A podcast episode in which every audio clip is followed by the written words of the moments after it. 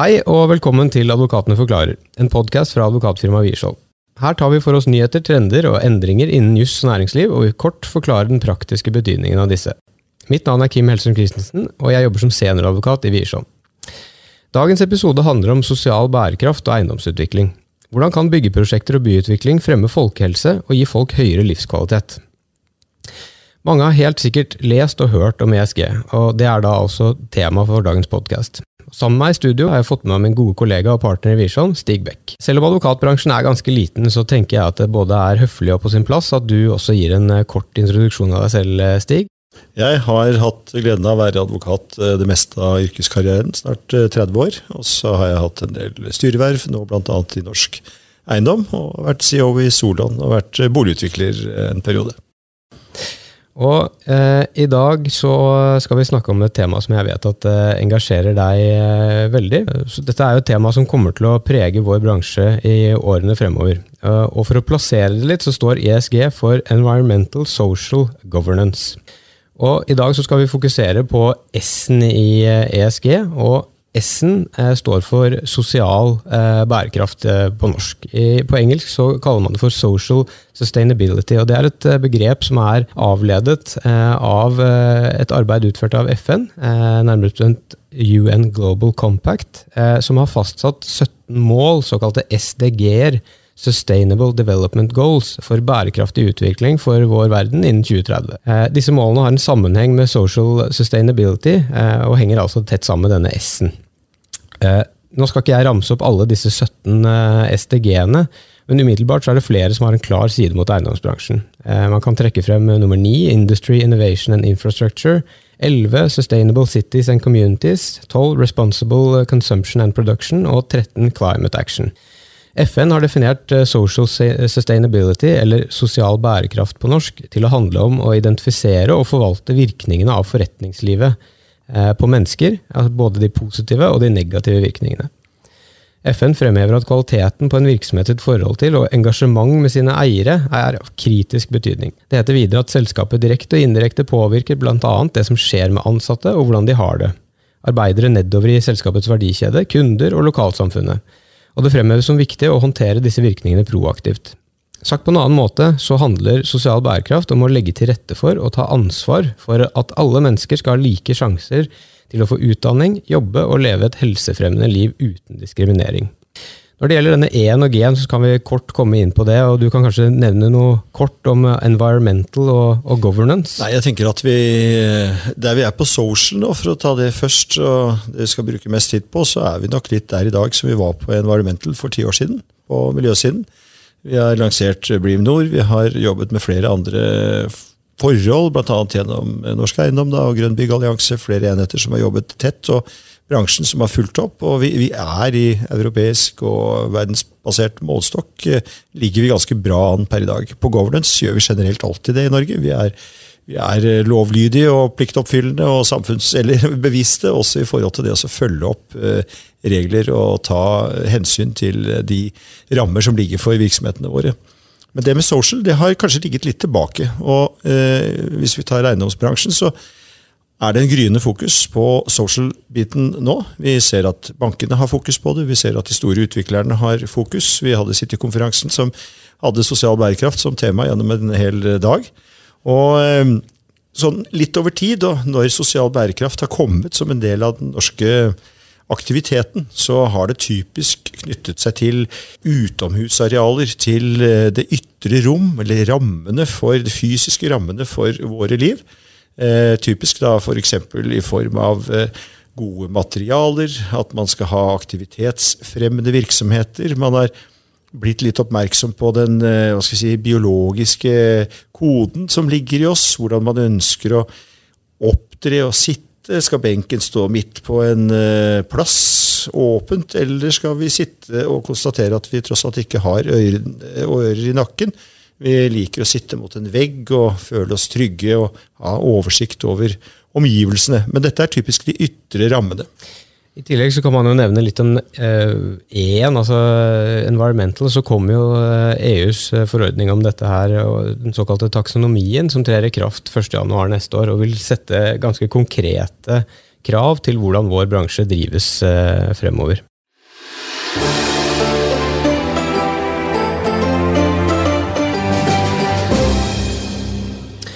Altså, med utgangspunkt i samfunnstanken så, så, tenkte jeg at vi kunne si litt om hva slags utfordringer eh, man kan jobbe med på, på utviklingssiden her. Altså, nå har jo covid eh, kanskje på vondt da, satt fokus på det som kan sies å være den nye folkesykdommen, altså ensomhet.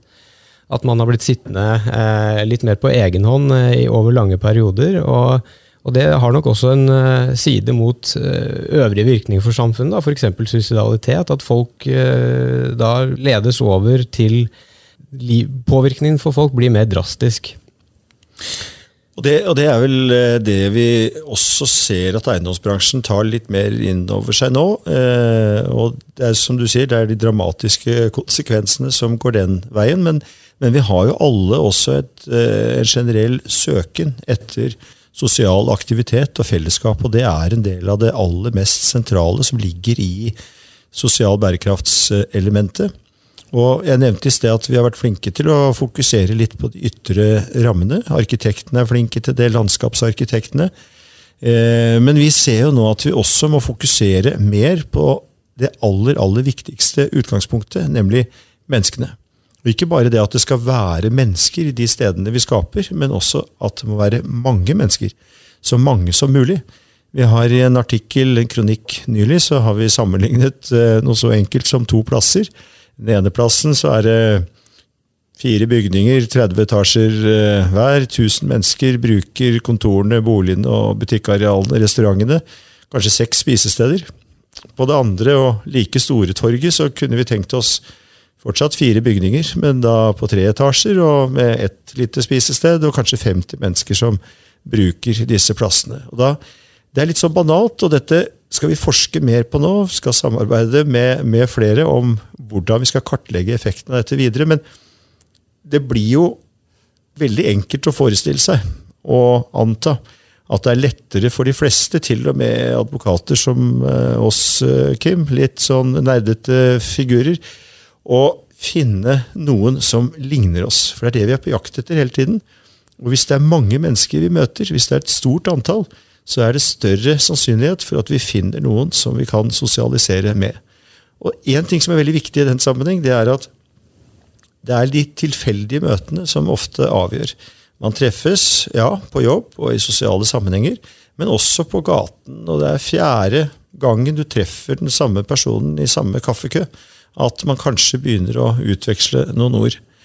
Så dette er litt som et lotteri. Hvis du har, kjøper 1000 lodd, så er det relativt sett mye større sjanse for at du vinner enn om du kjøper 50.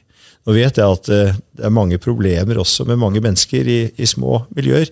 Men problemet i Norge er egentlig ikke at vi er for få. Eller at vi er for mange. Problemet er at vi er for få. Mm. Vi må bli flere, vi må bygge tettere, og vi må gjøre sånn som egentlig de fleste politiske partiene blant annet, og de fleste byene i dag i sine planer sier at de skal gjøre. Bygge høyt og tett på knutepunktene. Og Da må myndighetene også være med å hjelpe oss og dra skikkelig til når eh, vi krever plass, mennesker, arealer.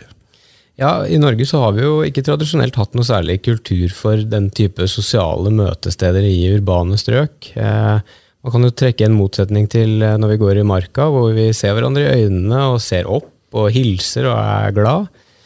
Eh, I Italia så vet man at man har såkalte piazzaer, altså som er mer eller mindre sånne sosiale møteplasser for eh, nabolag og lokalsamfunn, hvor nettopp disse naboene som du snakket om møtes og samhandler på en mer naturlig måte i hverdagen. Og det legges til rette for det gjennom byutviklingen.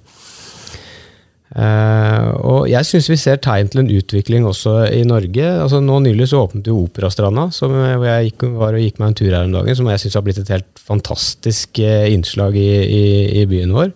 Og jeg tror at vi kanskje er litt sultefòret der, og, og, også at det faller lettere for yngre generasjoner at du og jeg Stig, kanskje må dras litt med på dette her. fordi hvis man ser bare på Sørenga, da, og hvor eksplosivt populært det har blitt eh, Det er et veldig godt eksempel på nettopp det å skape en utvikler, eller flere utviklere, som sammen skaper gode utearealer. En, en bygulvutvikling hvor man har fått plass til mange spisesteder, og flere kommer.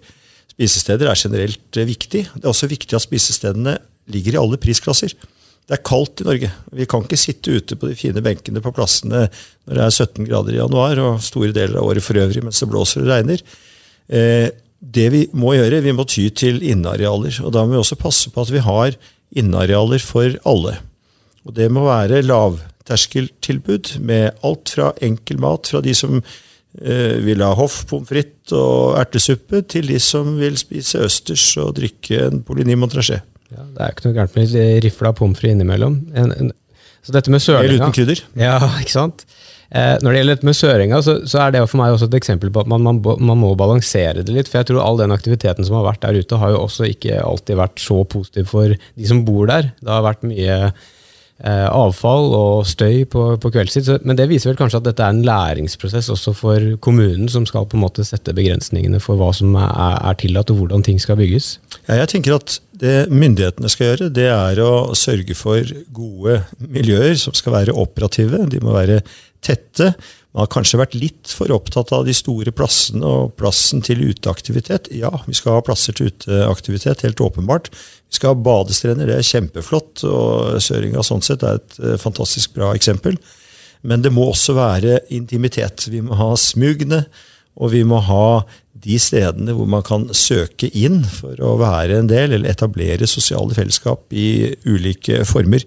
Men igjen, aller, aller viktigst, det må være mennesker der. Det kan ikke være folketomt.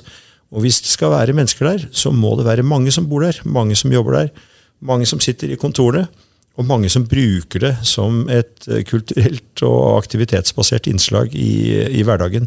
Og Det er der myndighetene, tror jeg, må, må snu opp ned på mye av tankene fra tidligere. Ja, man har beveget seg i retning av knutepunkttetthet, men man har i liten grad tenkt på og fokusert på den viktige rollen kvantitet også har i forhold til sosialt fellesskap.